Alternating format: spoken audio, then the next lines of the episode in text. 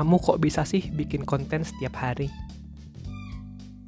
Selamat datang di Passion Writer Talk Podcast yang membahas tentang tips, inspirasi, dan perspektif tentang menulis. Dan kembali dengan saya Reski Firmansah. Ini adalah podcast ketujuh dari 30 Days Podcast Challenge. Ya, ini adalah tantangan selama 30 hari saya bikin podcast tentang dunia kepenulisan. Pada hari ini kita akan membahas tentang pentingnya kebiasaan Podcast edisi kali ini tidak akan membahas bagaimana caranya membangun kebiasaan, karena kamu bisa mendapatkan banyak referensi, banyak tips lainnya di buku lainnya, atau di referensi lainnya, apakah di Instagram postingan orang lain, atau di buku, atau di YouTube, atau apa pun deh, banyak banget. E, kali ini saya hanya ingin membahas perspektif saya tentang pentingnya kebiasaan itu. E, karena akan ada banyak hal positif yang akan kamu dapatkan jika sudah punya kebiasaan yang baik terutama. Nah, apa saja? Mari kita mulai.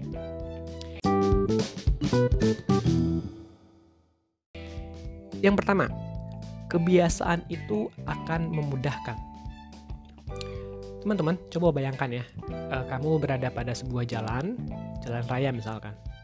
Hmm, jalan apa ya? Yang anggaplah sebuah jalan pokoknya Kemudian di jalan itu kamu akan melewat melihat melihat sebuah tembok tinggi uh, yang sulit untuk dilewati kalau dilompati saja ya. Pokoknya tembok tinggi banget ya. Nah, tembok itu harus kamu lewati kalau kamu ingin melewati jalan itu. Mau nggak mau.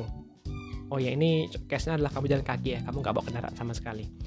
Nah, kamu bisa punya pilihan untuk berhenti di jalan itu saja atau kamu memanjat tembok itu apabila kamu berhenti di sana saja, kamu nggak akan ke mana-mana. Kamu hanya berhenti di sana saja.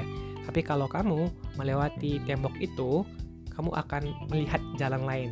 Oh, ada jalan yang indah di sana. Atau bahkan melihat, oh, ada banyak tantangan lain yang harus dilewati. Tapi ketika kamu sudah melewati tembok yang tinggi itu, kamu akan terasa bahagia, kamu terasa akan lebih mudah melewati tantangan selanjutnya. Karena apa? Karena kamu sudah melewati tembok yang tinggi. Karena kamu sudah mencoba untuk melewati batas minimalmu, sudah melewati tantanganmu sendiri. Nah, kebiasaan ini analoginya seperti cerita tadi. Jadi ketika kamu sudah bisa uh, melewati batas sulit, bukan batas sulit sih, standar sulit minimal untuk melakukan suatu hal, kamu akan lebih mudah untuk menghadapi tantangan selanjutnya.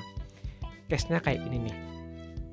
Anggap deh, kalau kamu sudah punya kebiasaan nulis selama 30 hari tanpa henti, kamu pasti akan jauh lebih mudah kalau ingin mempunyai kebiasaan yang sama lagi.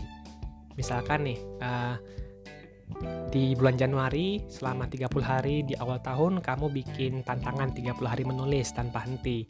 Nah, misalkan nanti di akhir tahun atau di pertengahan tahun di bulan Juni ini misalkan kamu ingin memulai kebiasaan lagi, kamu bikin 30 hari tantangan menulis lagi. Kamu akan mudah untuk melakukannya. Karena apa? Karena sudah pernah sebelumnya dan kamu berhasil. Nah, kebiasaan itu akan memudahkan kamu untuk melakukan hal yang sama atau bahkan lebih baik. Kebayang ya teman-teman ya, bahwa kebiasaan itu akan memudahkan kita. Bahkan dalam case lainnya, misalkan kamu punya uh, tugas di kantor, suruh bikin konten. Nah, kamu udah terbiasa sebelumnya. Dan kebiasaan kamu sebelumnya akan memudahkan pekerjaanmu selanjutnya.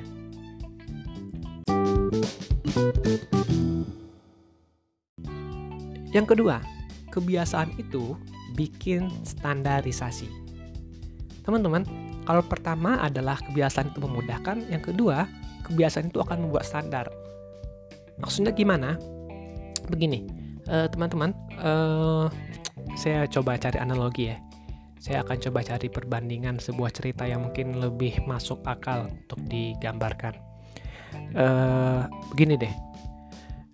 Kalau kamu sudah pernah terbiasa bikin konten entah YouTube entah podcast entah tulisan uh, pasti ada dong standar minimal.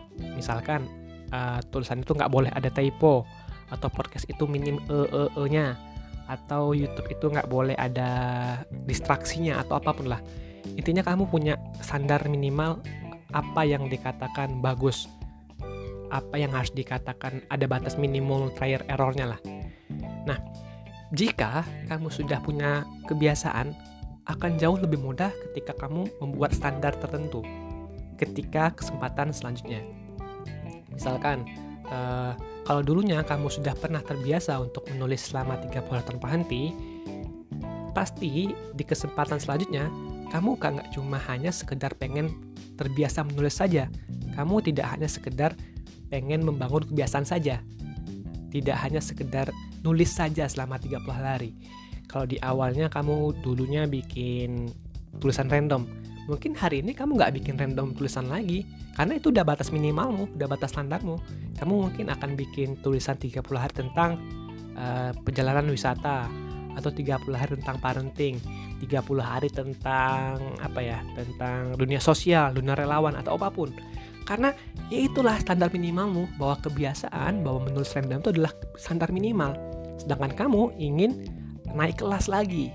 Nah, itulah pentingnya kebiasaan teman-teman akan membuat kamu untuk naik level selanjutnya. Akan lebih mudah, akan ada standar. Dan apa yang ketiga? Nah, tips yang ketiga, perspektif yang ketiga adalah kebiasaan itu bukan hanya sekedar produktif. Nah, apa nih maksudnya? Nah, teman-teman, ini perspektif lainnya, mungkin unpopular opinion lah. Eh, di podcast sebelumnya tentang produktif, saya memberikan definisi yang cukup sederhana teman-teman. Bahwa produktivitas itu adalah kemampuan kita memproduksi suatu hal dalam durasi tertentu sesuai dengan kapasitas dan terus bertumbuh hingga optimal. Nah teman-teman kebiasaan itu belum tentu bikin kita produktif. Belum tentu ya tapi bisa juga bikin kita produktif. Maksudnya gimana tuh? Nah teman-teman uh, kita mungkin bisa untuk bikin konten setiap hari tapi bisa jadi kebiasaan itu malah mengganggu hal lainnya.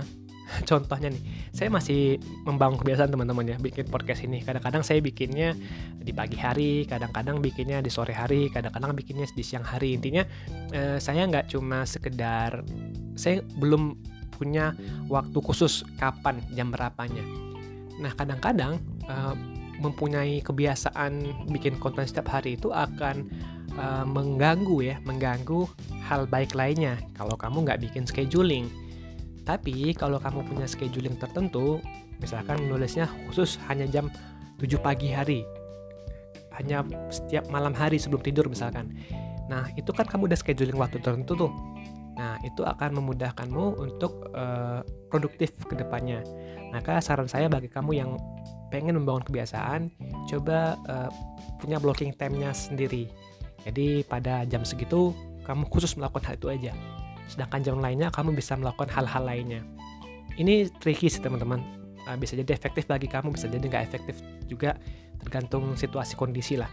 Karena kan membangun kebiasaan itu butuh ya butuh tantangan, butuh challenging. Jadi tips yang ketiga tadi adalah kebiasaan itu bukan tentu bukan hal tentang produktif saja, tapi juga ada tantangan lainnya. Jadi gimana ya kalimat sederhana ya bahwa kebiasaan itu bisa membantumu untuk produktif, kebiasaan itu juga bisa membantumu untuk kewalahan. Tapi ketika kamu punya scheduling, ketika kamu bisa blocking time sendiri, kebiasaan itu akan membantumu untuk produktif. Nah, lebih kurang seperti itu.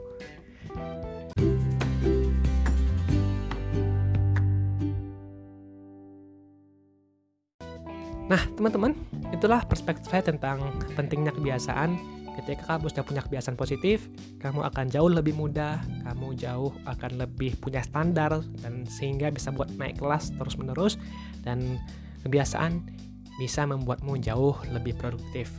Sekarang tinggal kamu nih. Kamu pengen punya kebiasaan apa? Apakah kebiasaan 30 hari bikin konten setiap hari atau malah kebiasaan tidur setiap harinya setelah bangun pagi? Ya terserah kamu pengen bikin seperti apa. Yang jelas kebiasaan akan membuatmu lebih baik ke depannya. Seharusnya begitu